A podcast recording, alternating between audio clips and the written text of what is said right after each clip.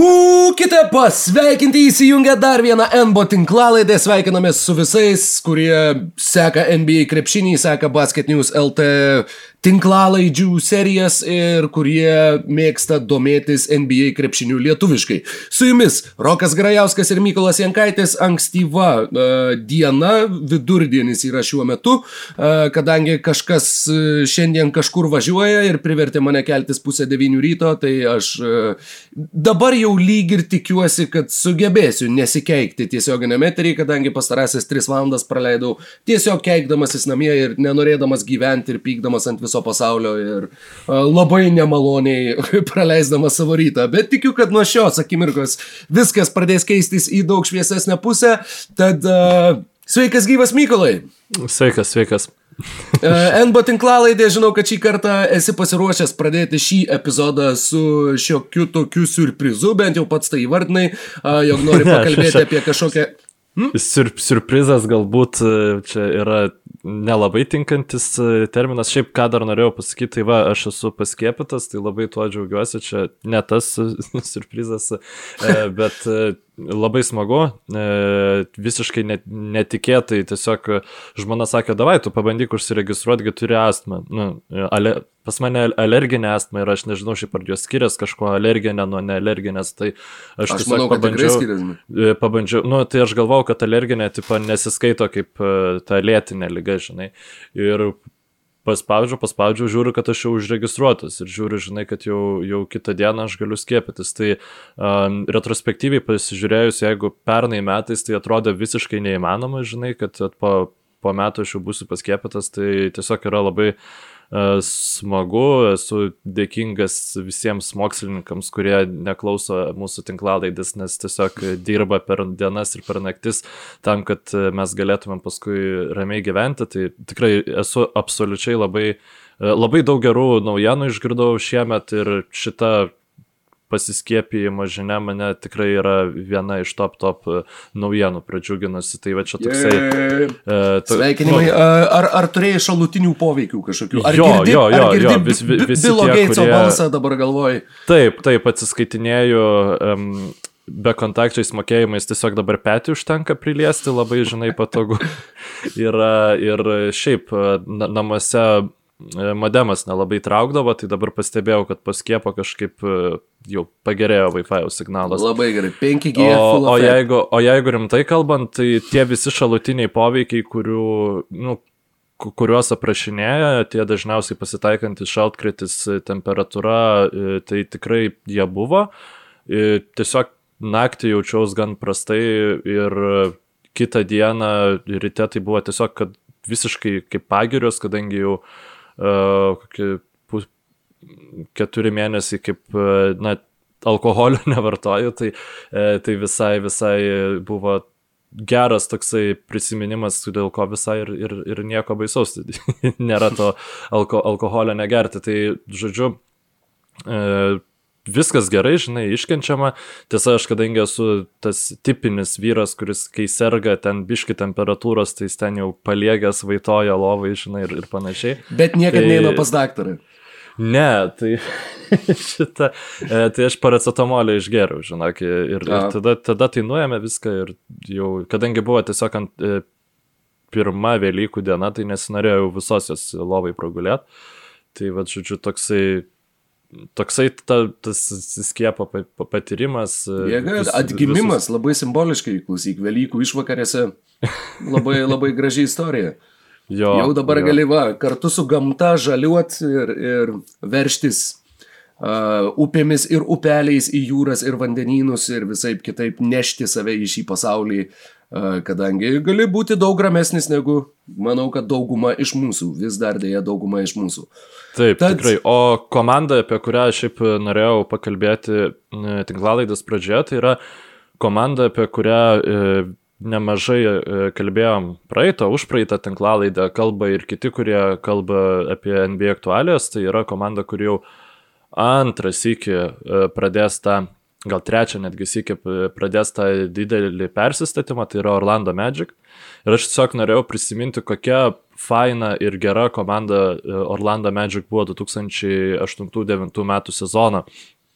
kuomet, na tikrai, Vangandi, Stenas Vangandi, dabartinis Naujo Orleano Pelikans treneris, jisai sulibdė tokią komandą, kuri labai atitinka dabartinio krepšinio filosofiją, e, nekalbant apie tai, kad ten e, pagrindinė polimo mašina buvo monstrinį sezoną žaidas Dwightas Howardas, e, bet kalbant apie tai, kad, kad tiesiog tai buvo visiškai heliocentristinis polimas, komanda buvo aplipdyta taip, kad kiekvieno komandos krepšininko stipriosios savybės būtų amplifikuotos į pozityvę pusę. Ir viskas buvo sukurta tam, kad komandos žvaigždė jaustųsi kuo e, geriau ir būtų kuo efektyviau. Kas yra visiška priešingybė dabartiniam uh, dabartiniai, jo, jo, jo, dabartiniai Vangandžio komandai. Tiesiog m, labai daug įdomių krepšininkų žaidė, tai pradėti turbūt reiktų nuo gynėjų linijos, kurioje e, Džemiras Nelsonas tose atkrintamosiose sužaidė visiškai e, fantastinių atkarpų, na, labai gerą solidų e, sezoną. Tada gynėjų linijoje buvo Lee, kuri vis dar kars nuo karto pamatom komandos sudėčių grafuose, Mikelis Pietrusas, apie kurį mes ganėtinai ekstensyviai kalbėjom praėjusią pavasarį, kai darėm NBA draftus, J.J. Redikas, kuris vat, jau šiemet nerado vietos dabartiniai komandai Vangandžių treniruojamai. Ir tada dar įdomiau yra polėjai, tai Hedo Turkoglų ir Ašaras Liuvisas, kurie abu yra tokie įdomus ir manau moderniam krepšinėje irgi žiauriai būtų atradę savo vietą. Tai tiesiog atsarginių centrų, nors šiaip klasifikuotas kaip polė, e, polėjas, bet tuo metu žaidė Marcinas Gortartas. E, e, tikrai ne, nebuvo komanda, kuri būtų didelių pavardžių. Tai prasme, kad ten mm. būtų kažkokie mm. labai įspūdingi krepšininkai. Bet... Džemyras Nelsonas buvo ir e, visų žvaigždžių rungtynių žaidėjas, tik aš neatsimenu, ar to dar vėliau. E, jo, šiaip reiktų čia pasižiūrėti, kada jisai buvo, aš, aš, aš irgi to nefiksuoju per daug. Ir su rytų konferencija kartais tai būna, kad e, komandos, kurios nueina iki finalo, jos nepelnytai būna nurašomos dėl to, kad vienas iki nu, buvo ta atkarpa, kai Netsai ten išėjo. Taip. E, būtent 2009 metais šitam sezone Džemyras Nelsonas buvo All Staras, o Dwightas Howardas e, eilę metų buvo ir ten, ir tuo pačiu geriausiai besiginantis krepšininkas, žinoma. Tai, tai va, tai uh, rytų konferencijos komandos, aš nežinau, ar tu man pritartum šitų klausimų, dažnai va, jos istoriniai perspektyvai būna neįvertinamos, ypač tos, kurios išeina į finalą ir, sakykime, finale ganėtinai e, lengvai juos įveikia vakarų konferencijos e, kom, komanda. Nu, tai šiuo atveju Los Angeles Lakers ir visi atsimena, kad Lakers tapo čempionais. E, ai, prieš Magic, kaip Magic išėjo į finalą, ai, nelabai svarbu, žinai. Ta paralelę su Brooklyno Nets, Indianos Pacers išėjimais į finalą, kai viskas spręsdavosi. E, taip, atsiprašau. Taip. Kai viskas spręsdavosi su realiai vakarų konferencijoje, kas laimės tos čempionų žiedus. Bet kokias komandas įveikė e, tada e, Orlando Magic? Orlando Magic septynių rungtynių seriją. Galiu pabandyti atspėti. Bostoną, Clevelandą ir neatsimenu ką pirmame etape. Nu, gali pabandyti spėti bent vieną komandą. Tai sakau, Bostonas ir Clevelandas, man atrodo, kad buvo dvi komandos. Taip, tai čia kurių... tu teisingai atspėjai, tai Bostoną jo, įveikė pirmame... septynių. E, pirmame etape jie įveikė Filadelfijos 76, okay, žodžiu, kuri okay. irgi tuo metu buvo ta tokia, nu, vidutiniokė. Andrė Iguodalos ir Lou Williamso e, komanda, man atrodo. Nes jo, Iversono jo. tikrai nebuvo, tai čia buvo tas, kurie šmėstelėjo atkrintamosiose trumpai, bet... Nu ir pavyzdžiui, E, antrose rungtynėse e, Filadelfijoje pelnė 87 taškus, o rezultatyviausiasis krepšininkas buvo Andre Milleris. Tai šitą stipru, visai, stipru. visai Visai Kalbant apie antras buvo. rungtynės, man tai yra labai įstrigęs ir dar paminėjai Courtney Lee. Antros finalo rungtynės ir kai buvo mhm. lygus rezultatas ir Courtney Lee kontratako išbėgo ir su sirena metė iš po krepšio. Uh, metė nuo lentos ir mhm. nepataikė. Ir jie būtų išlyginę rezultatą Los Andželė, bet to vieno metimo pritrūko ir tada jie pralaimėjo finalo seriją 1-4. Tas rungtynės irgi pralaimėjo po pratesimo. Tai tas va būtent vienas metimas iš po krepšio, kuris irgi galėjo nu, visiškai pakeisti ir serijos eigą, ir, ir, ir galbūt net ir čempionų titulo likimą, bet sakau, vienas epizodas, kur man visą, apskritai visą gyvenimą pamačius Kortnį Lee, man iš pradžių prieš akis stovės būtent tas metimas. Mhm. Ir kažkodėl labai ryškiai įsiminė, kad jisai grizliuose žaidė, nors ten žaidė pakankamai netaip baisiai ilgai. Bet jo, ir ta komanda, jinai, kalbant apie Orlando Magic, jinai buvo turbūt pirma, kuri žaidė, mm, kaip čia pasakyti, lietuviškai keturi laukia, four out sistema. Tiesiog ne, Howardas pirma, bet, pirma bet jie buvo, buvo pirmi, kurie labai stipriai tą įdėgė ir būtent Stenas Vangandy yra, yra įvardyjamas kaip šitos sistemos. Taip. Na, bent jau sėkmingai ją įgyvendinęs vyriausias treneris. Jie tiesiog visų atkrintamųjų metų jie nesveikai gerai mėtė tritiškus. Ta, ta prasme, tai dėl to taip, ta, tas ir įsimena ir taip tą tikrai reikia atsiminti, nes uh, šiaip pirmoji komanda, aš sakyčiau, kad buvo iš tokių uh, lengviau atsimenamų, tai 95 metų Houstono Rockets kuomet jau Robertas Horis žaidė sunkiojo krašto pozicijoje, paskui po, po to, kai išmainė Mhm, Otis mhm. Torpą Otis Torpą į Drexlerį. Į, jo, į Klaidą Drexlerį. Tai Taip, bet tikrai tas žaidimo stilius, keturi laukia, vienas per vidurį, kaip ir sakau, buvo idealiai e, sutelktas į Dwightą Howardą, kuris tose atkrintamosiose tiesiog e, žaidė, na, neįtikėtinai gerai. Nors, pavyzdžiui, serijoje prieš Bostoną Celtics e, Dwightas Howardas, na, tiesiog toks e, įdomus variantas. Aišku, visose rungtynėse be išimties buvo daugiausia atkovotų, daugiausia kamolių atkovojęs krepšininkas.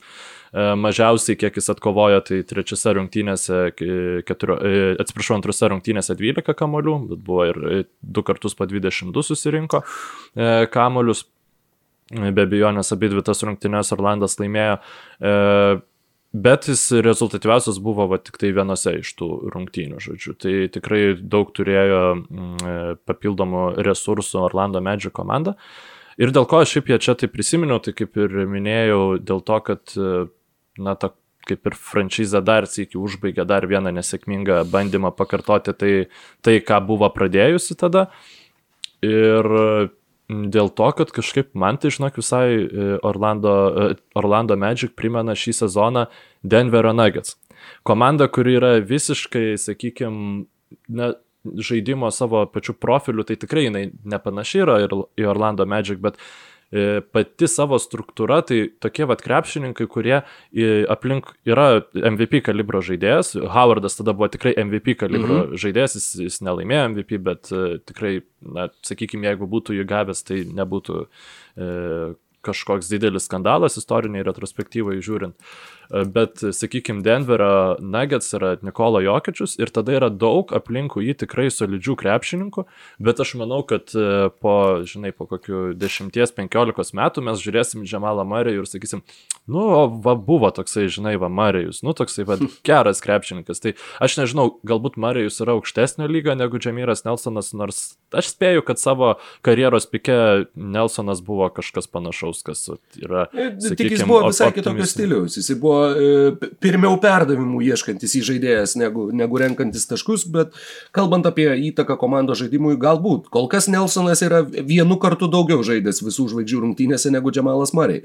O kalbant apie Howardą 29, jisai liko ketvirtas MVP mm, rinkimuose. O okay. šiais metais Nikola Jokičius kėsinasi likti aukščiau ir bent jau šiuo metu yra aukščiau, laikomas jo. apskritai e, favoritu ir netgi pakankamai ryškiu favoritu tapti naudingiausiu lygos krepšininku. Tad tikrai įdomi situacija Denveryje ir po mainų su kaip tik simboliškai Orlando Magic. Uh, komanda labai gražiai žaidžia, labai gražiai juda, puikiai įliejo Aaroną Gordoną į žaidimą ir su Aaronu Gordonu yra laimėjusi šiuo metu visas penkerias žaistas rungtynes ir apskritai turi aštuonių, jeigu nesumeluosiu, ne, septynių. Septynių pergalių serija, tad dvi dar buvo iškovotos iki uh, Aarono Gordono įsigijimo ir atvykimo ir prisijungimo prie komandos. Ir Denverio Nuggets a, mūsų pokalbio dieną tik tai pusę rungtynių, arba tiksliau, na, turi tiek pat pralaimėjimų, bet turi vieną pergalę mažiau, nes yra žaidę vieneriomis rungtynėmis mažiau negu Los Angeles Clippers ir a, yra ta, per tą pusę rungtynių nuo trečios vietos vakarų konferencijoje. A, Ir tas kilimas tikrai atrodo pakankamai įspūdingas ir ryškus, komanda tikrai žaidžia puikiai ir Aaronas Gordonas na, tiesiog atrodo kaip pasiūtas tai komandai ir tuo pačiu ir ta komanda atrodo kaip pasiūta Aaronui Gordonui. Daug visokių statistinių rodiklių, daug visokių iliustracijų turiu tam, kadangi teko skaityti daug, daug įvairių tekstų ir straipsnių apie tai, bet vienas iš man labai patikusių faktų ir tokių paprasčiausių ir paprasčiausiai suvokiamų yra Per penkerias žaistas rungtynes Nikola Jokičius Aaronui Gordonui yra atidavęs 16 rezultatyvių perdavimų. Orlande Gordonas sužaidė 25 rungtynes iki šitų mainų. Nikola Jokičius yra daugiausiai šiam sezone asistavęs kartu Arnui Gordonui komandos draugas. Ta prasme, Orlandė niekas tiek jam netidavė asistų, kiek Jokičius per penkerias rungtynes. Ir tai iliustruoja ir pasikeitusias Arono Gordono funkcijas, kadangi jeigu Orlandė tik tai 52 procentai berots jo metimų buvo po rezultatyvių perdavimų, Denveryje jų yra 80, tad uh, jam nereikia tenai kurtis pačiam, jam nereikia atakuoti po driblingo.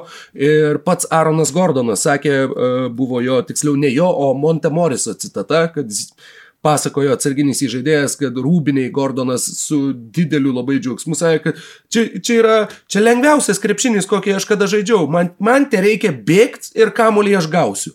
Ir žodžiu, tai, tai labai nusako tiksliai sakau ir, ir patį jo mm, principą, sakykime, jo išnaudojimo puolime, o gynyboje kitoj pusėje jisai jo, jisai visose rungtynėse dengia pajėgiausius varžovų a, trečiuosius dažniausiai numerius arba priklausomai nuo to, kaip jie žaidžia ir kaip jie yra pasiskirstę pozicijomis, kartais ketvirtus numerius, bet žodžiu pavojingesnį tarptų a, leisdamas. Paja, pavojingiausią didelį žmogų. Taip gal pasakyčiau. Taip, taip. Na, tokį ne patį didžiausią, bet jo, taip, net, iš, net iš, iš didesnių. Bet...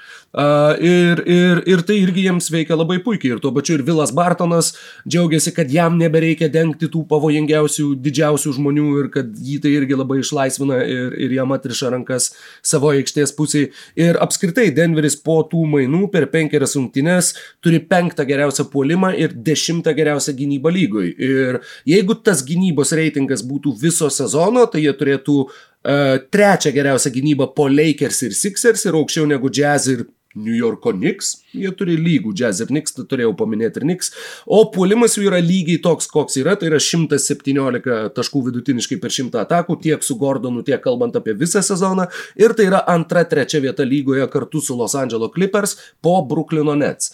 Uh, tad Gynyba dar labiau pagerėjo, puolimas kol kas visiškai neišsimušė iš vėžių, varo lygi tuo pačiu viso sezono stabilumu. Ir sakau, kaip ir atrodė iš karto po tų mainų, kad nu, potencialiai, jeigu Aronas Gordonas tenai sulips, tai čia yra puikus ėjimas. Dabar matom, jau galim, galim pamažu įsitikinti, kad, na, bent jau iš penkerių rungtynių imties, kuri yra labai maža, bet kol kas bent jau Aronas Gordonas ten tikrai atrodo ir panašu, kad ir jaučiasi labai labai savo vietoj. Rungtynėse prieš Clippers, e, kurios vyko čia praėjusią savaitę, na, pamatėm, kad tikrai e, Gordonas labai komfortabiliai, kiek galima komfortabiliai jaustis prieš uh, tokio kalibro krepšininką kaip Kawhi Leonardas, turbūt uh, gynyboje atliko neprastesnį darbą, negu atliktų, nežinau, 99 procentai lygos krepšininkų, žinai. Tai um, aš čia net tokį hipotetinį klausimą tau turiu, kaip manai, kuris yra fiziškai stipresnis, ar Grantas, ar Gordonas? O, labai atsiprašau, manau, kad Gordonas. Manau, kad Gordono manau, ir kad masė yra didesnė ir, ir tiesiog na, tas raumenynas yra ki kitaip sudėtas. Grantas yra labai atletiškas ir toks uh, lankstus, e, sprang, ne, nesprangus, kaip, kaip pasakyti, pamiršau, koks čia turėjo būti žodis, nu, toks springy, iš esmės, mhm. šoklus ir labai labai judrus, uh, tokį gerą kūno balansą turintis krepšininkas, bet būtent kalbant apie fizinę jėgą, aš manau, kad Gordonas jos, jos turi daugiau. Jo, jo, jis tikrai atrodo um, sunkiai, sunkiai pajudinamas, toksai gerą įspūdį palieka. Uh, aišku, na, tu pasakei visus gerus dalykus, kaip ir blogų dalykų kol kas tai nėra, bet aš norėčiau prisiminti praėjusiu metu seriją, e, kuomet e, Nuggets prieš šitas jazz atsilikinėjo 3-1 mhm. ir tada ėjo žaisti ketvir, e, atsiprašau, Penktų. penktųjų serijos rungtynių, kuomet jau visiems atrodė, kad viskas yra aišku ir tada į, neatsimenu, kieno inicijuotas, man atrodo, Milwaukee Bucks inicijuotas lygos sustabdymas įvyko dėl mhm. Black Lives taip, taip, taip, taip. Matter e, judėjimo, žodžiu, ir Jo, nes Ir dėl nu- to- Nušovė ten prieš jų rungtynės Viskonsinė. Taip, ten, ir žodžiu, taip. man atrodo, Briona Taylor, aš nu, Bijau bėda, kad tiek, tiek daug šitų tokių tragedijų buvo, kad e, net painiojas, tai čia tur, turbūt tas yra e, tikrai labai baisu. Um, Ir dėl to lyga buvo sustabdyta keliom ten, porai dienų, ar ne? Dvi, Kažkas dvi tokio, trys berods. dienos, kažkas tokio. Tada ir per tą laiką spėjo atsigauti Gary Harrisas. Ir tai buvo žmogus, kuris pakeitė tą seriją. Tai buvo žmogus, mm. kuris e, neuždarė toli gražu iki čia, bet e, visiškai apsunkino gyvenimą palyginus e, Donovanui Mitchellui. Ir jo paspirti Denverio Nuggets tą seriją perlaužė.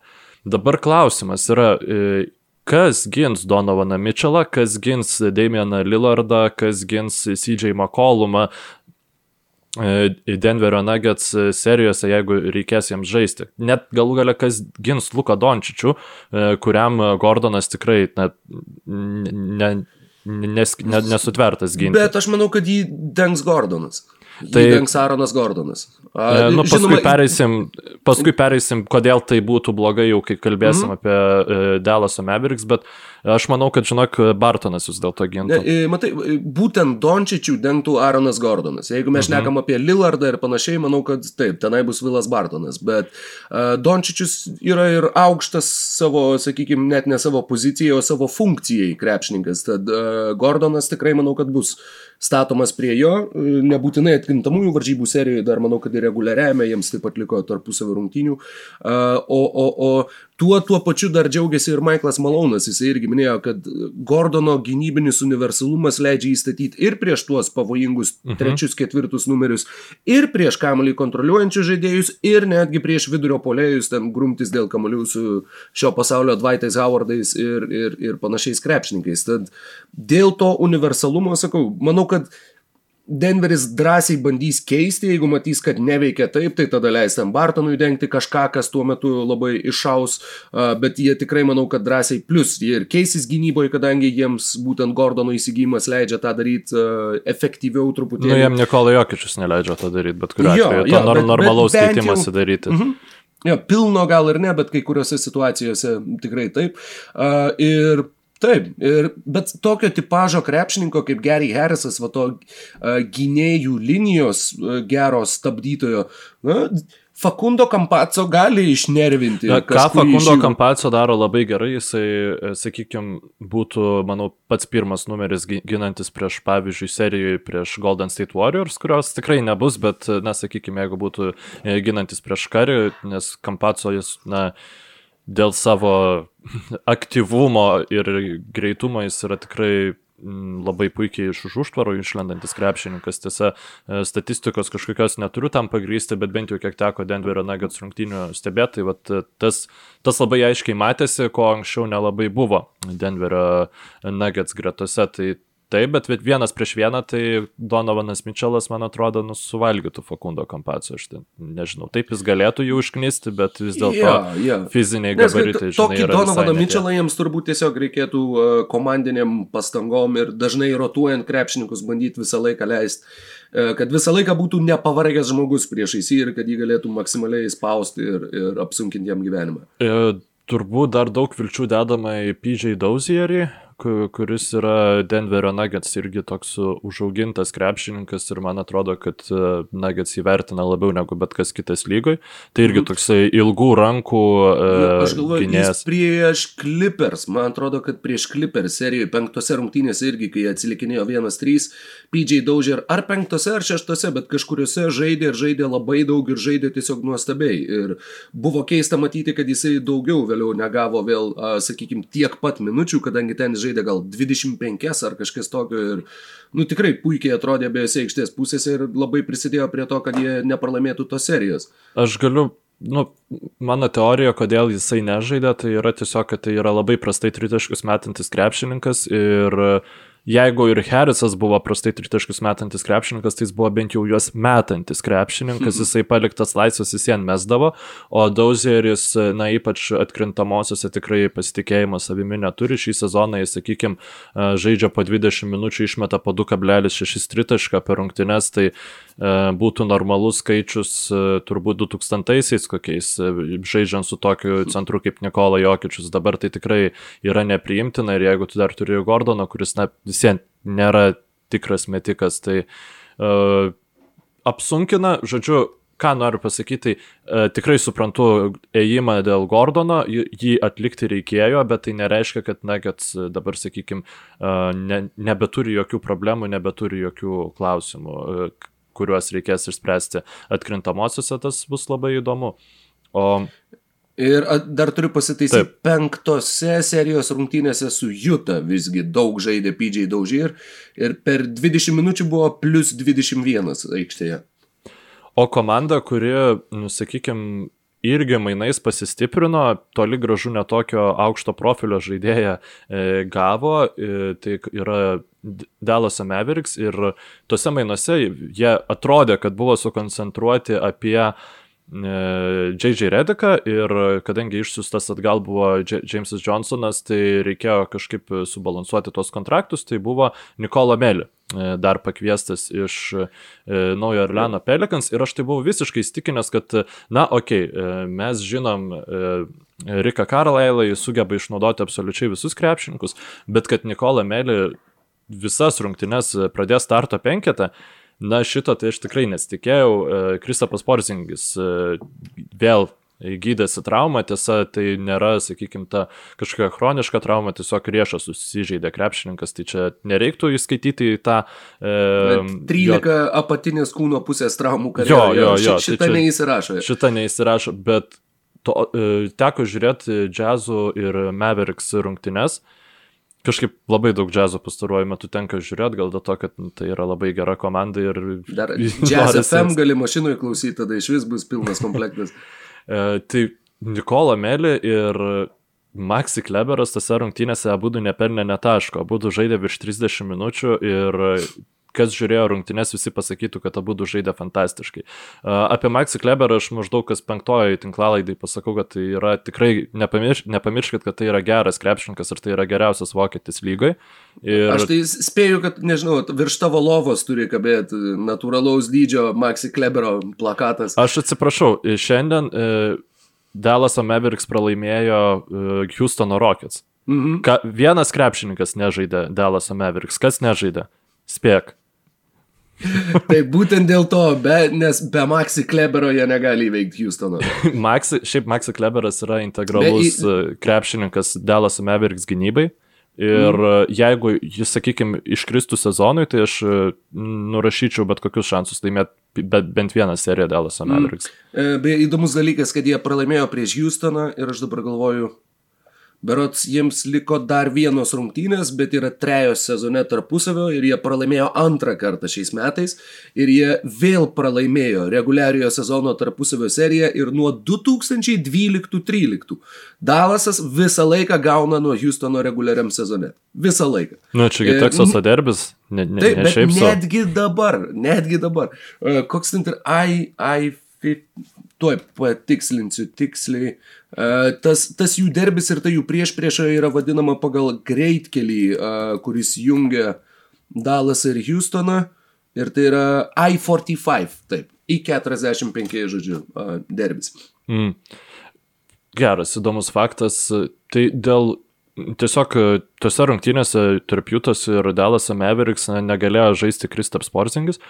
Ir Melė, atrodo, nu, super, jisai galėjo pasikeisti, sakykime, ir prieš Bogdanovičių, ir prieš Inglesą, e, galėjo pasiginti net ir poroje atako sustabdė Donovaną Mitchellą, e, puikiai atstovėjo prieš Rudy Goberą, kiek galima atstovėti tokio, kalib, e, tokio dydžio krepšininkų ir jisai suteikė to universalumo Delaso Mavericks gynybai, kur dabar iš viso yra penketas Luka Dončičius, Richardsonas, Finis Smithas, Kleberas ir Nikola Melė.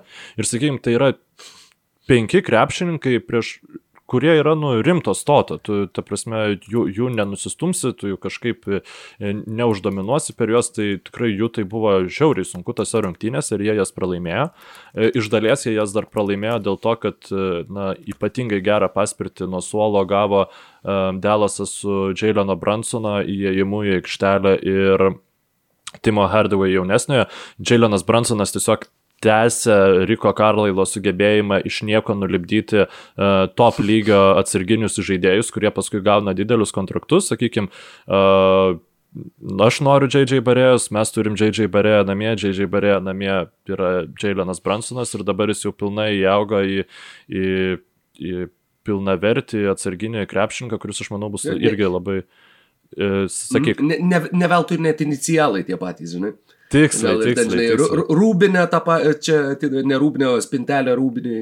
Taip, Nes jis... JJ Barėja dvasia yra gyva, Jailenė Bransonė. Nes jis labai dar to, tokios e, kitokios dinamikos įneša palyginus su tuo polimu, kuris yra Luko Dončičiaus inicijuojamas, Dončičius, sakykime, jisai mėgsta tą tokį kintamą greitį, kuomet jisai su, staiga su, sulėtėja ir tada šnai šnai ir jau tu nebesugaudai, kuris yra ir jisai pelna taškus. O Jailenas Bransonas tiesiog jisai yra toks kaip užsuktas variklis ir na, kartais atrodo, kad stabdžių neturi tas bičias, bet e, labai protingus sprendimus priima su kamoliu ir, sakykime, jeigu aš manau, kad e, labai daug komandų galėjo nepastebėti tokio krepšininko ir labai tiesiog e, vėl reikia nukelt kepurę tiek prieš Riką Karlailą, tiek prieš kitus žmonės, kurie sugeba surasti tuos e, krepšininkus, nes tikrai toks... Donny Nelsoną.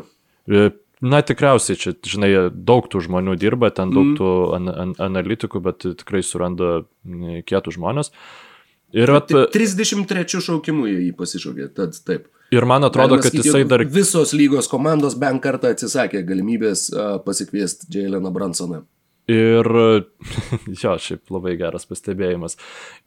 Ir man atrodo, kad e, kitą sezoną dar ne, bet paskui jisai taps laisvuoju agentu.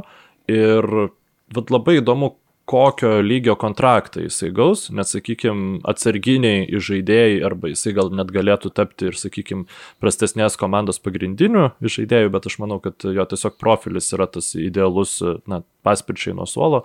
Tai yra pakankamai gerai vertinami lygoj.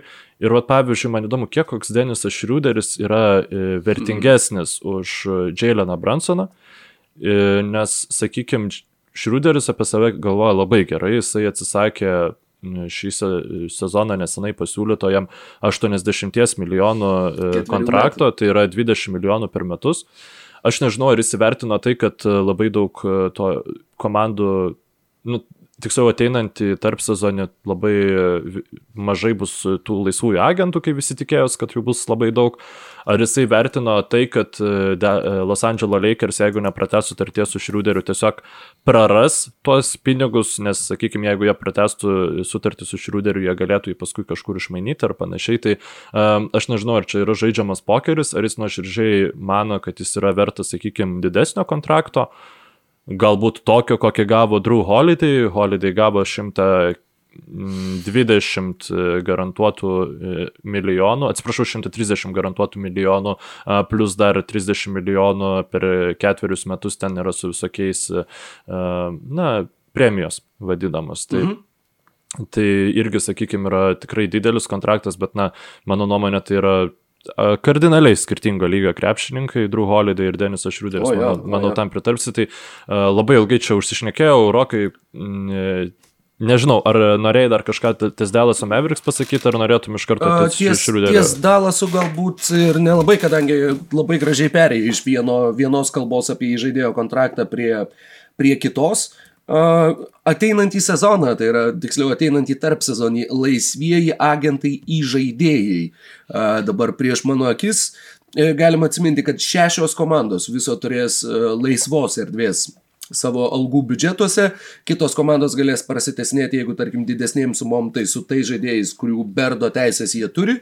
Tačiau tų įžaidėjų, na, mes matom pasiūlą štai tokią. Krisas Polas turės žaidėjo opciją 40 milijonų, jisai tą opciją pasims, faktas. Uh, Maikas Conley, Kailas Lauri, uh, Goranas Dragičius turi 18 milijonų komandos opciją, tad turbūt irgi taps laisvojų agentų.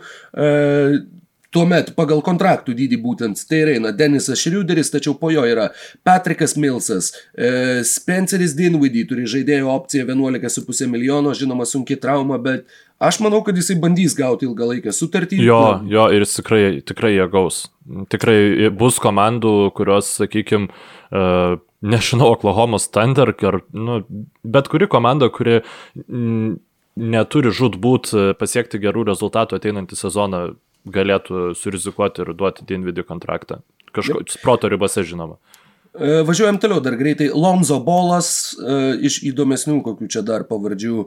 Mm, startinio kalibro žaidėjų čia nėra daug. Yra Devonte Grehamas, labai įdomi pavardė ir bus įdomu matyti, kiek, kiek jisai pinigų sugebės išspausti, bet veikiausiai Šarlotė bandys jį išlaikyti. O daugiau visos pavardės yra, na, Timas Fraseris, what? Jeffas Tygas, Cameronas Paynas, Brandonas Goodwinas, Raulis Neto, Edmundas Sumneris, Matthew Delavedova, Bradley Wanamakeris, Reggie Jacksonas, Rainas Arčidiakono, Denisas Smithas, Frankas Nelikina, Alfredas Paytonas. Na, didelių žvaigždžių tikrai nėra atmetus būtent Conley, Laury ir, nežinau, Dinwiddie. Lonzo Bolas, sakyčiau, šiaip. Jo, Lonzo Bolas, šiaip taip, tikrai. Nepelnytai pamirštas, nes jisai gerą sezoną žaidžia, jis ganėtinai pagerino savo taiklumą iš tritaškių, jo gynyba visada buvo gera ir kuo toliau, tuo labiau tai atrodo kaip krepšininkas, kuris galėtų tikti, sakykime, šalia didesnių žvaigždžių. Man atrodo, kad e, net visai logiška būtų ir naujo Orleano Pelikans jį išlaikyti,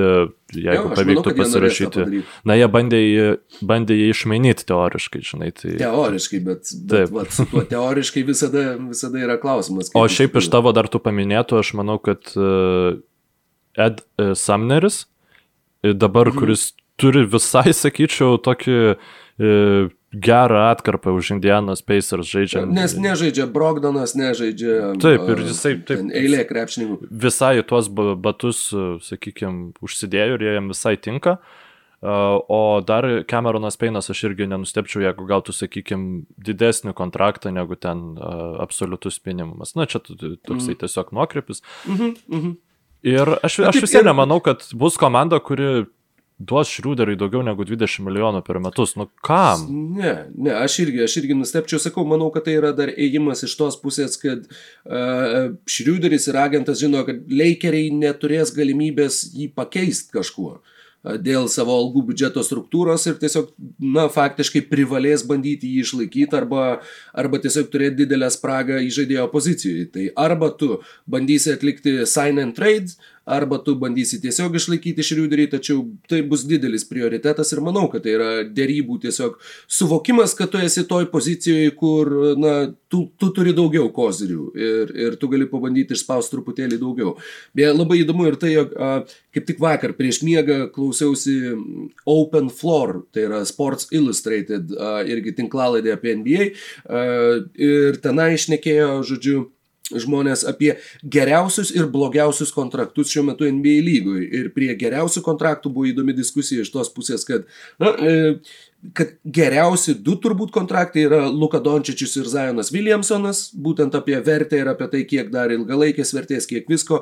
Tuo pačiu buvo argumentų apie tai, kad, pavyzdžiui, Lebrono Jameso arba Janio Antetokumpo kontraktai, atsižvelgiant į tai, kiek jie duoda savo konkretiem klubam, yra na, irgi atsiperka, nežinau, dešimteriopai turbūt. Taip, taip. Ir tuo pačiu šitas Ma Michaelas Pinija E, sakė, arba, sako, va, kokio dar ieškojau, kokios kategorijos, tai kad tai būtų visų žvaigždžių, na, kalibro krepšininkai, kurie gauna mažiau pinigų gerokai negu kad maksimalus galimas kontraktas. Ir tarp tų žaidėjų iškart buvo Domantas Sabonis, nes jisai gauna daug mažiau negu maksimumas, o va, du kartus jau žaidė visų žvaigždžių rungtynėse. Tai Denisas Šriuderis atsisakė didesnio kontrakto, negu kad gauna šiuo metu Domantas Sabonis. Ir kaip pagalvoju, jeigu tai buvo jo apriboto laisvojo agento, sakykime, situaciją praėjusiais metais, jeigu jisai būtų, žinoma, tai, tai nebuvo dalykas, apie kurį mes svarstėm netgi, bet tai yra tas, žinai, žvilgsnis iš perspektyvos ir tiesiog mintis, e, kad jeigu jisai būtų prieėmęs tą kvalifikacinį pasiūlymą ir laisvuoju agentu taptų šiais metais, jis gautų max kontraktą. Labai realu, kad jisai da, kažkas, jeigu ir ne Pacers, bet kažkas jam tą maksą tikrai pasiūlytų. Ir, ir tai, sakykime, iš tos finansinės Na. pusės galbūt ne, ne visai apsimokėjo tas įspūdimas, bet... bet... Reikia ką suprast, kad e, max kontraktas max kontraktui nelygu. Ir mhm. Domanto Sabonio maksas, na, tai, tai nebūtų tas maksas, kurį mes... Jo, kurį gauna Volas ar Vesbrukas. Net, net, Taip, taip. Ir dabar, kai, sakykime, pasibaigs jo dabartinis kontraktas, viskas klostosi taip, kad aš manau, kad jis gaus jau tą maksimalios vertės kontraktą, nes tiesiog, na, komandos, ypač, sakykime, to ma mažesnės rinkos komandos jos mėgsta pasirūpinti tais krepšininkais, kurie kelia jas į, na, Sabonio atveju dar kol kas negalima sakyti aukštumas, Sabonio atveju galbūt galima labiau sakyti, kurias palaiko paviršiui, bet aš manau, kad Sabas gaus labai gerą kontraktą ir bus tikrai tai bus dar turtingiausias lietuvis už trijų metų. Nu, okei, okay, čia, čia gal šiek tiek per toli, bet ką čia žinai, galbūt jisai išlauks, kol bus naujas tavo dylas sudarytas ir tada gaus iš vis astronominį pasiūlymą, ką mes čia žinom. Šiaip dar tu tos žaidėjus tai paminėjai, tai uh, Aš manau, kad Conley 100 procentų liks Jutas Jazz po šio sezono. Nebent jie iškris pirmam raunde prieš Golden State Warriors, bet... Nu, e... Bet ir tai liktų. Aš vis vieną nemanau, kad jie jį paleistų. Šiauriai gerai žaidžia. Hmm? Jis, jis žiauriai gerai žaidžia. Žiūrėjau pastarąsias net... porą savaičių, na, žodžiu, uh, fantasy lygos, kur gali tikrinti ten žaidėjų produktyvumą, pažiūrėjau, pastaros savaitės, pastarųjų dviejų savaičių, pastarojo mėnesio ir taip toliau.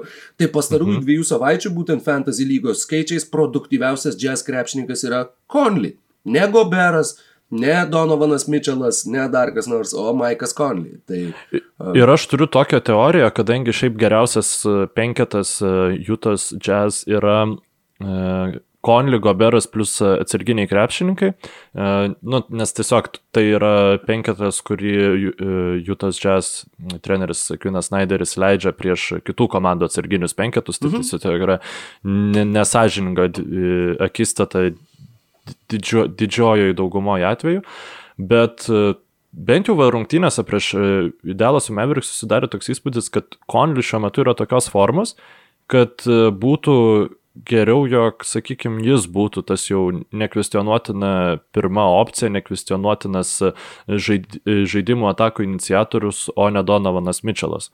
Na, Mhm. E, ganėtinai sunku tą suvokti, ypač prisimenant, kaip praėjusią sezoną atrodė Konli, bet na, dabar, dabar jis atrodo visiškai nuostabiai. Ir netgi tas momentas, kad e, labai dažnai krepšininkai prasidedant atakai, e, tie žaidėjai, jie gali išmesti ganėtinai laisvą metimą iš trijų taškų zonos, na, iš tos e, viršutinės e, mhm. tritaškio linijos pusės. Ir Michaelo Conlio rankose tas metimas yra beveik visada vos negeresnis negu toliau atakui gali suorganizuoti e, Jutas Jazz. Tai tikrai turint omeny, kad aš prieš sezoną sakiau, kad kas bus Michaelas Conley, tai yra kas bus tas krepšininkas, kuris visiškai nusimuš savo vertę.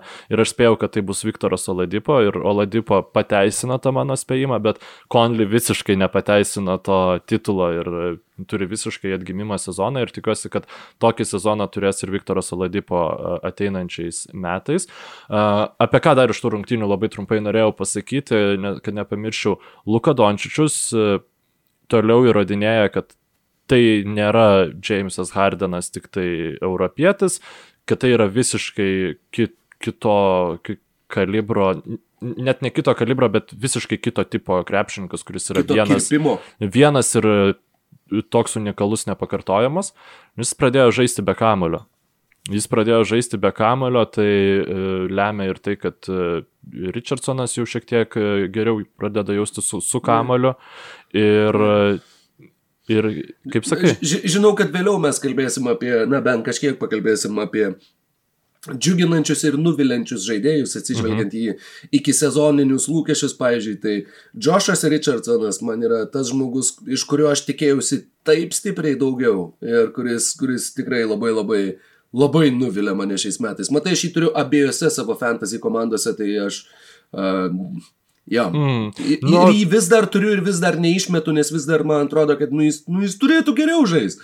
Nu, ne, dėl, ne. dėl skaičių rinkimo, tai Ne, Richardsonas tikrai nebus tas žmogus, kuris renka skaičius, nes... Bet matai, Filadelfijai jisai rinko juos daug geresnius. Ir atėjus į Dalasą, man atrodo, kad tau irgi čia tu tik mėtik iš pagavimo tritaškius, to nieko per daug nereikia daryti, periminė kamulius ir, ir, ir gyven gerą gyvenimą, bet kažkaip tai net ir to jam. Ne, matai, e, pavyzdžiui, e, čia vėl toks nukreipimas gaunasi, bet kad ir tose pačiose rungtynėse, e, džiazai prieš Mavericks, džiazai rizikavo ne ties Richardsonu, rizikavo ties Dorianu Finismitu. Tai yra e, Finismitą gynė Rudy Goberas, Ir mhm. jisai tiesiog jo negynė, kitaip tariant, ir jis atsitraukdavo ir stabdydavo tas visus prasiveržimus.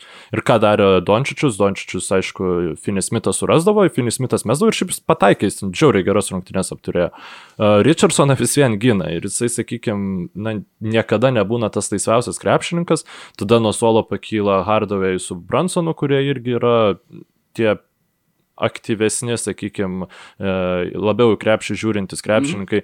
Aš sakyčiau, kad tą rolę, kurio buvo pakviestas daryti Richardsonas, e, jis išpildo labai gerai, na, išskyrus taip, kad tai ne, nėra žaidimo inici, geras žaidimo iniciatorius, kuo galbūt kažkas tikėjus, kad jis galėtų būti. Na, kaip, sakykime, būdavo anksčiau. E, Filadelfijoje taip, jis kartais, kartais bandydavo uh, kurt pats ir, ir net inicijuodavo 2 prieš 2, kiek pamenu. Pamenu, kad dažnai būdavo su kamoliu, nu, saliginai dažnai. Ir dažniau negu Miami'e. Bet, uh, sakau, man bent jau, galbūt aš labai pervertinau jį būtent po to, koks jisai buvo Filadelfijoje ir atsižvelgiant į tai, kaip aš jį įsivaizdavau Dalase. Mhm. Uh, bet ten jo, ten jo vaidmuo yra kitoks. Aš nesakau, kad jisai yra prastas krepšininkas ar kad blogesnis krepšininkas negu aš galvojau. Tiesiog aš tikėjausi, kad jis, jis ten, uh, sakykime, bus pastebimesnis ir bus ženkliai pastebimesnis negu, negu yra dabar. Man atrodo tiesiog, kad tu ir Rikas Carlylas iš Jeffersono, ir Richardsono, atsiprašau, reikalauja šiek tiek skirtingų dalykų. Tai Turbūt. kol, kol šitie nesutiks, tol tavo fantasy komandoje jie kraujuos. Aišku, ne man kriti, kritikuoti fantasy komandas, aš turiu turbūt blogiausią fantasy komandą mūsų toj lygoje, kurioje aš. Ne blogiausia, ten, ten tu paskutinis nesigi. Nu, gal, gal ir nesu, aš jau nebežiūriu, aš tik tai išleidžiu aktyvius krepšininkus, žinai, pasižiūriu, gal kažką galima pakeisti ir, ir viskas.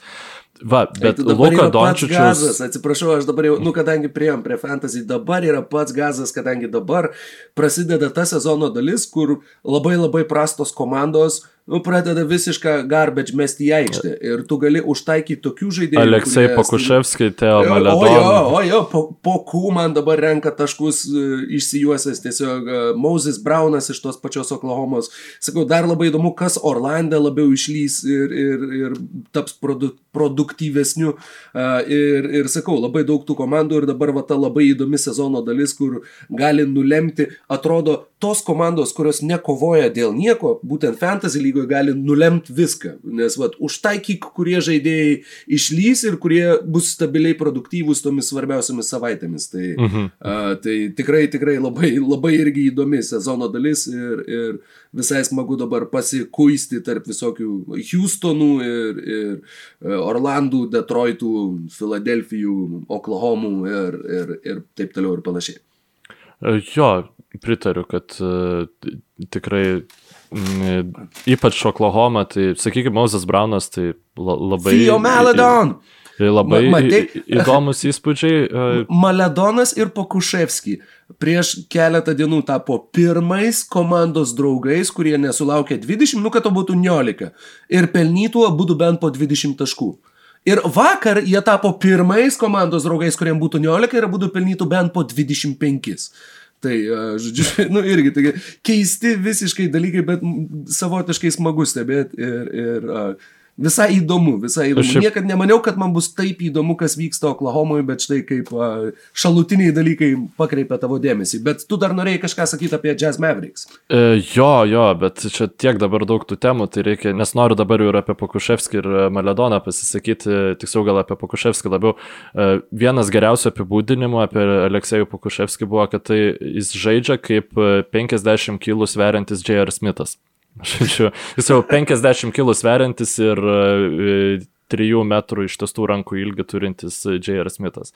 Žodžiu, tikrai e, tai yra visiškai... Bet vis, jis kai atėjo į NBA, dabar, kad aš nesumeluočiau, pala dar pažiūrėsiu, bet man atrodo, kad jo ūgis yra kas ten 2,18 ar panašiai ir kad jo nurodytas svoris nesiekė 80 kg. Buvo mažiau negu 80 kg. Jis yra dviračio rėmas. Jis yra, nu, tiesiog jį pamačius pirmą kartą 213, ką... 2 metrai 13. A, 213. Nusakau, svoris nesiekia 80, kur atrodė, ką tu vaikė veiksi, ten tave sulaužys per minutę. Ta prasme, nu, atrodo, nu, visiškai. Ne, nu, atkrintamosiose jį ir sulaužytų, bet, e, žinai. Ne, bet aš, aš turėjau omeny, kad apskritai, kad atrodė, kad po pirmo kontakto su, nežinau, kokiu nors piktesniu aukšto ūgiu, nu, kad tiesiog jo tie kaulai sutrupės, nes, nu, rimtai atrodo žmogus lyg, lyg, na, toks ne lyguistai liesas, bet, nu, tikrai lyg, lyg, nežinau, lyg badavęs kurį laiką. Ir uh, matyti, kad jisai žaidžia ir dar matyti, kaip jisai žaidžia ir tie kamulio valdymo įgūdžiai ir tie tritaškiai, kurie eina iš nesuvokiamai aukštai. Nu, jis meta iš truputį žemiau negu galėtų, bet jo ūgis ir rankų ilgis jau tą kompensuoja. Ir tikrai Aleksejus Pokuševskis uh, dabar yra antras žmogus, jo, Antras žmogus per pastarosius keletą metų, kuris buvo pašauktas pirmam rate iš antros graikų lygos. Jis žaidė už Olimpiakoso dublerius. Tai Janis Antetokumpo buvo pirmas.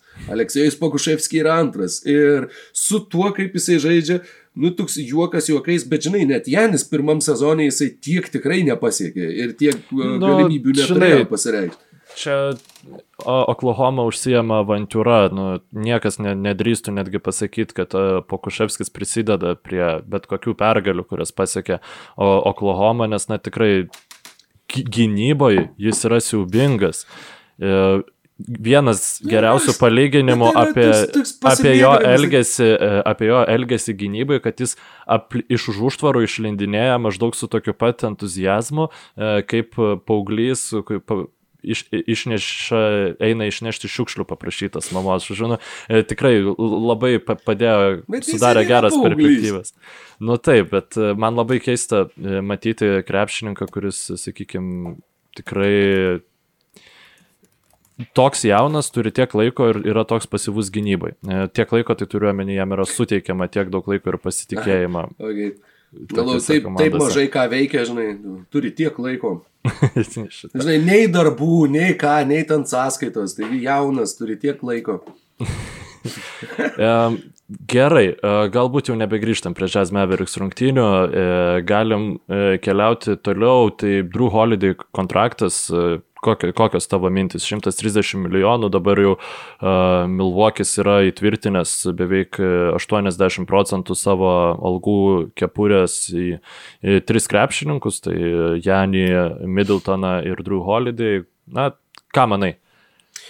Aš manau, kad gerai, aš manau, kad teisingas žingsnis ir uh, išlaikyti, visų pirma, tai išlaikyti Holiday komandoje jiems buvo ne tas žodis būtina, o visų antra, pasiūlyti jam tokį kontraktą, kad žaidėjas tikrai būtų laimingas ir tikrai turėtų pilną motivaciją save visiškai atiduoti Milvokiui. Ne, ne, ne tai, kad sakyčiau, kad jis jos neturėjo prieš tai, bet tuo pačiu, na, sakykime, tai tas... Uh, atlyginti žaidėjams už jų vat, norą pasiaukojimą ir visą kitą. Tai uh, manau, kad tai, tai buvo žingsnis, kur, žinai, galbūt ir norėtųsi, kad tas kontraktas būtų mažesnis, bet iš kitos pusės labai didelio skirtumo tu vis vieną neturėsi, jeigu ten jiem mokėsi keliais milijonais mažiau, vis vieną tų algų kepurės, kaip tu minėjai, labai labai labai didelę dalį atiduodi trim žaidėjim.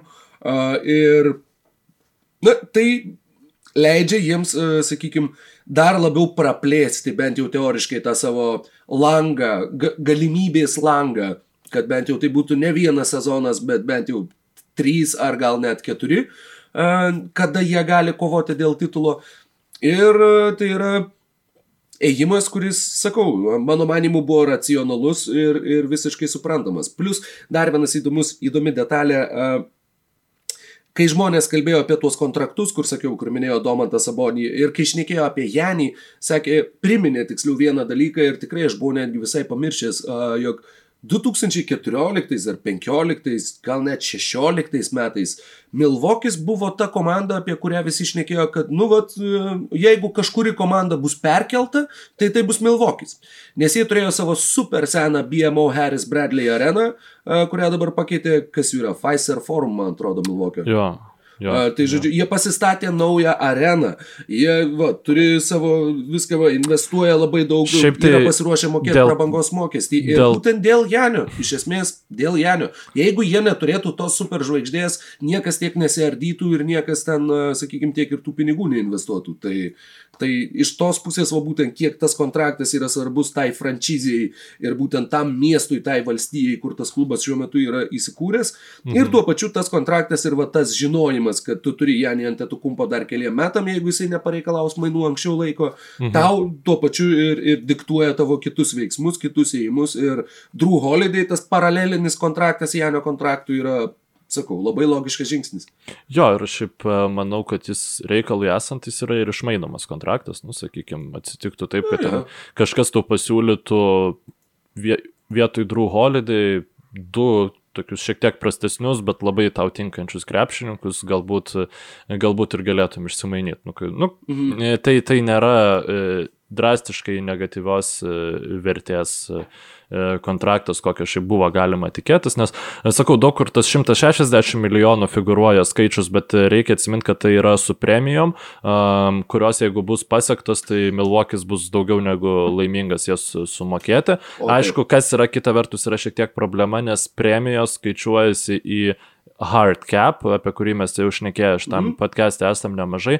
Uh, hard capas, kuomet tu pasirašai kontraktą, pavyzdžiui, su uh, mid-level exceptionu maksimaliu ir taip toliau, tai yra iš esmės vieninteliai būdai, kuriais uh, Milwaukee Bucks galės pasigauti uh, krepšininkų vertingesnių negu minimaliai jų, e, negu minimalus kontraktas, jie iš karto triggerina e, hardcapą ir tada tas hardcapas jau tampa labai svarbus ir e, nes į jį skaičiuos ir tos visos galimos išimtis, žodžiu.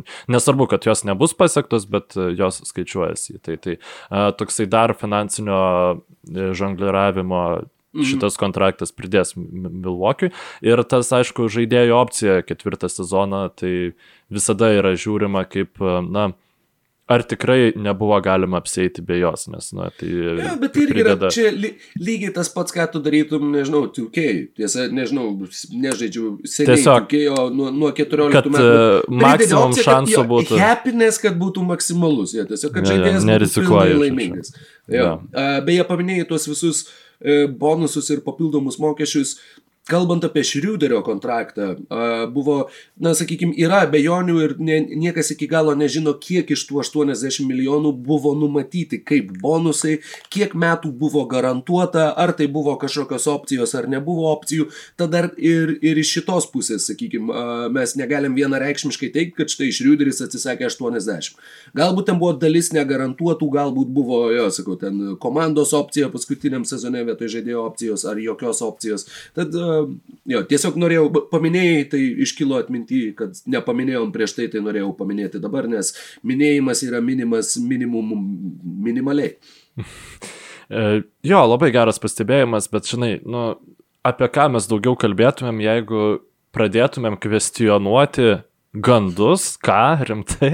E, kalbant apie gandus, kuriuo aš irgi nesirašu kvestionuoti, tai, nu, man džiauriai patiko, kad uh, šio sezono, sakykime, nesusipratimas didžiausias. E, šiaip aš e, per praeitą karantiną e, buvau nusipirkęs jogos appsą. Žodžiu, nu ten susimokėjau okay. subscriptioną, ten gal 15 eurų ar panašiai. Ir, ir aš... Nemokamų tokių, kam... kam... Nu, rokai, ne, neaišku. Gerai, gerai, atsiprašau, atsiprašau. Mano suvalkietiškas, žinai, iš dalies kraujas truputį. Ir... Prabudu.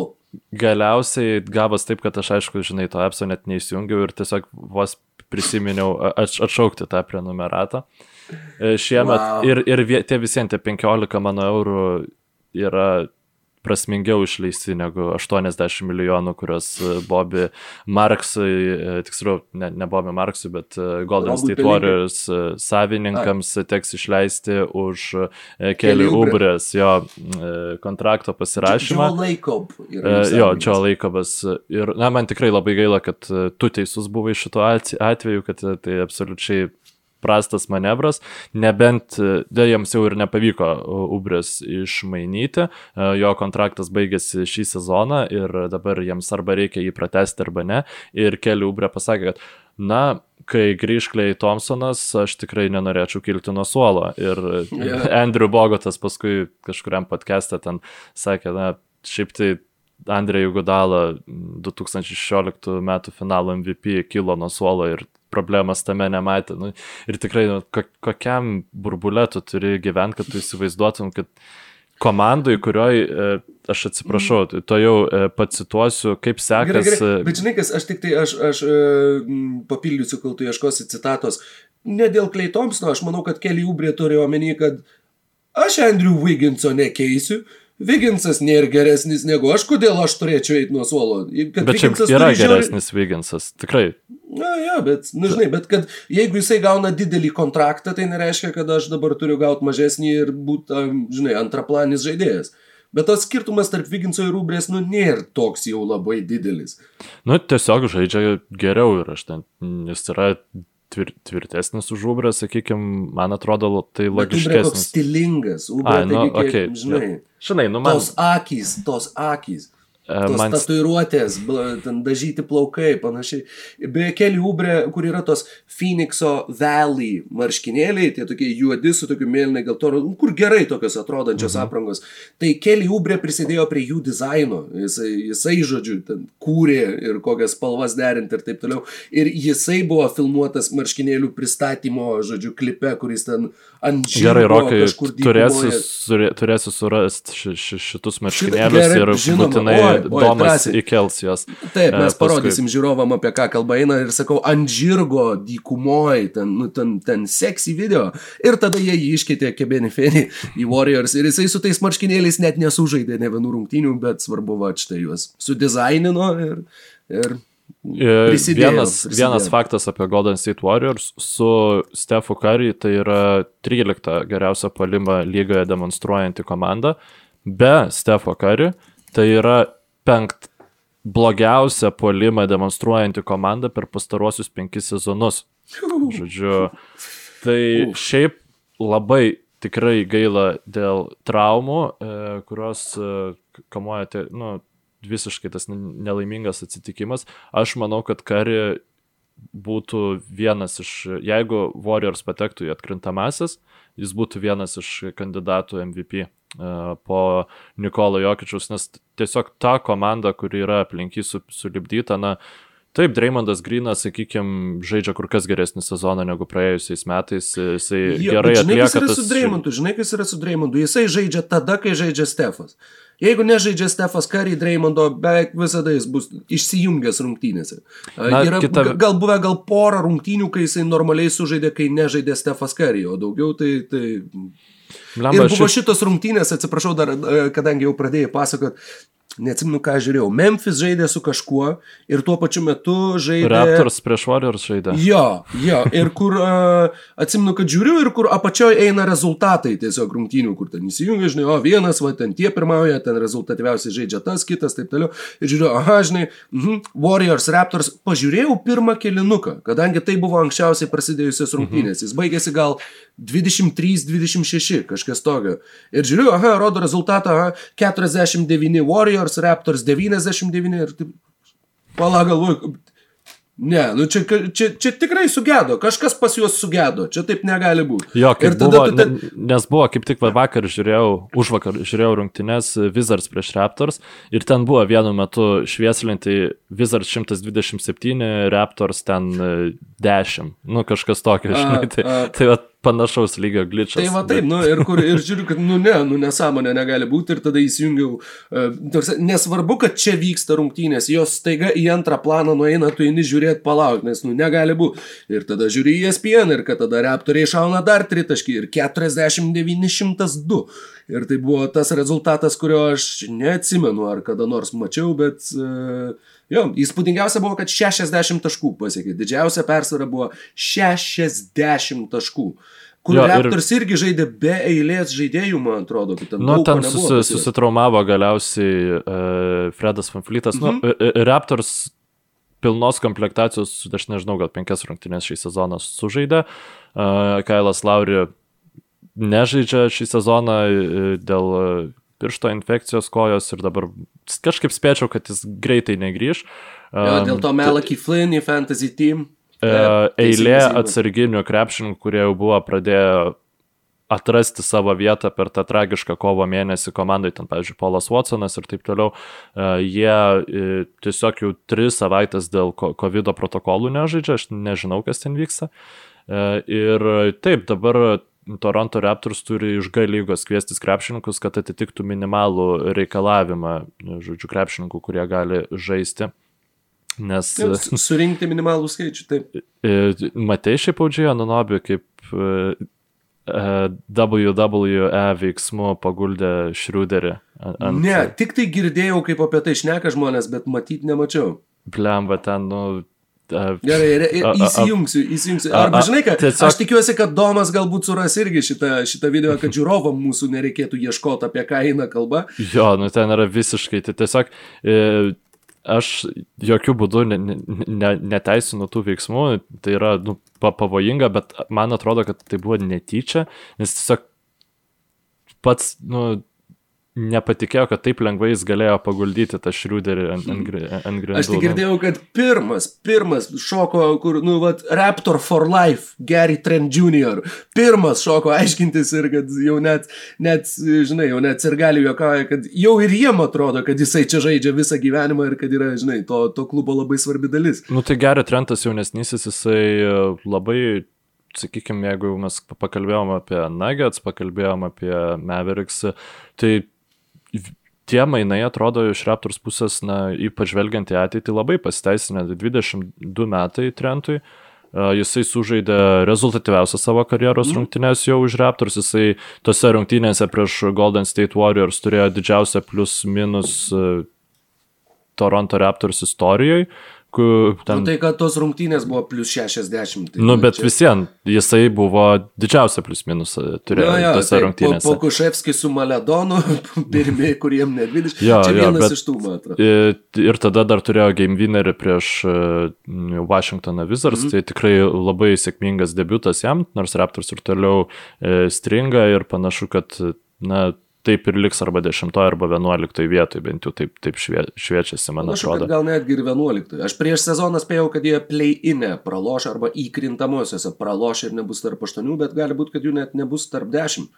Jo, gali, gali tikrai būti ir aš manau, kad jau visi plius minus susitaikė yra Raptors fanai su šitą realybę, na tiesiog e, nepaėjo kortą na, vėl tose rungtynėse, kuriuose sutriuškino Golden State, Torontas, Fanflytas susitraumavo. Vienintelis. Ir labai, labai irgi liūdna, sakė, na kaip liūdna, ne tiek liūdna, kiek iškalbinga šitas J.E. Skeets. Vieno iš tinklalaidžių sakė, jog kai žaidė Raptors su Lakers ir kur irgi gavo brist džiauriai, nors Lakeriai, va, be Lebrono, mhm. be Anthony Daviso, sako, žinai, sako, ir Jisai sėdžiu ir žiūriu, jisai kanadietis, jisai labai palaiko Raptors. Ir sako, sėdžiu ir žiūriu į Marką Gasolį.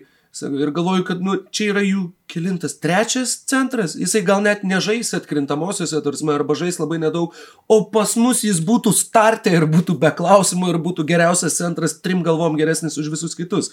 Tai čia irgi ta iliustracija, kaip... Aš tai manau, kad jis yra trim galvom geresnis ir už visus kitus Los Angeles Lakers centrus, jeigu mes atmestumėm Anthony Davisą, bet čia jau... Na, tai, matai, čia jau, čia jau.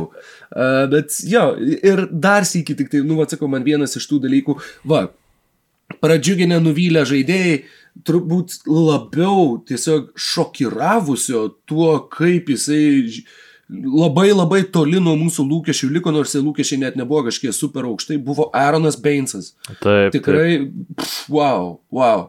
Vienas didžiausių šokų šiais metais buvo, kaip tiesiog neprilipo toj komandai, kur atrodė, kad, kad gali prilipti labai tinkamai. Nu, tiesiog Aaronas Bainsas yra mm, jau ganėtinai solidaus amžiaus, man atrodo, jam yra apie 34 metus ir, na, būna profesionaliem krepšininkam, kurie nesiremia šiaip labai e, ženkliai savo at atletiškumu, e, kai jie jau praranda dar dalį to atletiškumo, jie visiškai taip, e, smenga taip. žemyn ir, na, tikrai kiek iš pokrepšio neįmestų. Ne tik krepšininkam, bet ir apskritai sportininkam. Labai vadas būna kai kuriem, kad tiesiog per metus atrodo, kad paseno, nežinau, penkmečių. Tai va, Gilfis Igurconas Evertone yra nuostabus pavyzdys to, kur tiesiog niekad nebuvo labai greitas ir kai vos vos sulėtėjo, nu tapo, ne, nu, jo, negalėjo laikyti aikštėžinį. Yra labai klaidinga idėja, kad, na, jis ir taip nesiremdavo savo savo mhm, greičiu, mhm. žinai, tai jam jo netruks, bet esmė, kad net visiems NBA lygoj greitis, atletiškumas yra uh, pagrindiniai uh, varantieji momentai ir na, labai to solidaus centro trūks ir kaip ironiška, kad Markas prieš to Toronto Raptors žiauriai geras rungtynės sužaidė.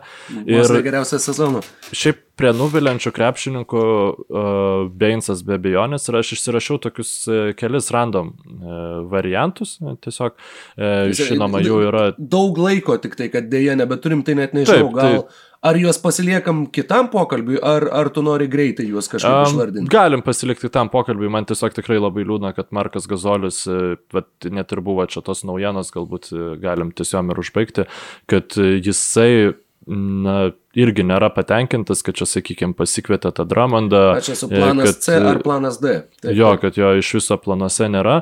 Man tai, nu, man labai įdomu, kaip klostysis toliau Los Angeles Lakers sezonas. Um, Ir e, aš kažkaip visiems manau, kad atkrintamosiose prieš Nikolą Jokičių tai geresnio varianto sulėtėjus krepšiniui, negu Markas Gazolis Lakers neturės. Jo, jo, aš manau, kad gali būti, kad Gazolis būtent jeigu bus serija su Jokičium, tai eis į startą, o Dramondas kils nuo suolo, aš nenustepčiau. Bet, e, bet tuo pačiu, na, bus matyt. Ir, ir, e, o kalbant apie Lakers, aš vis viena manau, kad jeigu jie bus sveiki, tai Ir jeigu kitoj pusėje Hebra bus sveika, tai Lakers prieš Nets yra tas finalas, kuris mūsų laukia šiais metais. Grįžtant prie praeito podcast'o. Ir o, paskutinis e, momentas e, šitai tinklalaidai. Praėjusią sezoną Dylanas Bruksas pasakė, blemba, kaip, kaip aš laukiu, kada jį iškeis, nes žiauriai noriu žaisti prieš Miami Heat ir parodyti jam, e, ko mes esame iš tikro verti. E, kalba buvo apie Andrėjų Gudalą ir e, tada mm. Andrėjų Gudalą buvo iškeistas, tada sezonas sustojo, Memphis prieš Miami nežaidė ir pagaliau jie sužaidė. Memphis laimėjo ir Dylanas Bruksas suvertė 28, 28 taškus, o Andrėjų Gudalą to jau patikslinsiu tose rungtynėse E, pam, pam, pam, pam, pam. Pelnė 0 taškų, atliko vieną atkovotą kamuolį ir 3 rezultatyvius perdavimus per 19 minučių. Tai žinoma, visiškai e, skirtingo, skirtingų ambicijų komandos. Miami's jau, kaip ir tu sakei, žaidė finale, bet tas Memphio užsispyrimas, labai norėjimas geras. ir pasitikėjimas yra vertas. Kaip man patinka visos šitos, va, jo, tokios, tokios, atrodytų niekam pernelyg nesvarbios istorijos, bet kiek jos prideda prieskonio rungtynėm, kiek visokie, va, tie tarpusavio, va, tie asmeniniai dalykai, dar kažkas. NBA, sakau, NBA yra pats geriausias serialas, tik tai, kad jisai suryja labai labai daug laiko ir jisai niekada nesibaigia. Ir jisai turi, kiek, gerus 500 veikėjų, kurie dar ir keičiasi, bent jau dalinai iš vieno sezono į kitą, bet, bet va būtent šitos visos mažos siužetinės linijos yra tai, kas daro NBA dar skanesniu um, maistu akims ir mintims, uh, negu, negu būtų galima įsivaizduoti. Ir Memphis šiuo metu yra trečia daugiausiai pergalių šilės turinti komanda lygoje. Tai Taip, sveikinimai Memphis fanams, sveikinimai Jonui Valančiūnui, Dylanui Bruksui ir Na ir gerai, kad pastatė. Ir Džonui Končerui. tai ką, ačiū Rokai, ačiū klausytojai. Ačiū. Aš keliauju į palangą rašyti savo magistrinio prie oh. jūros vedinamo oro. Tikiuosi, padės. Ir sėkmės, ačiū, kad buvot su mumis. Jei, laimingai gero kelio jūrai linkėjimų.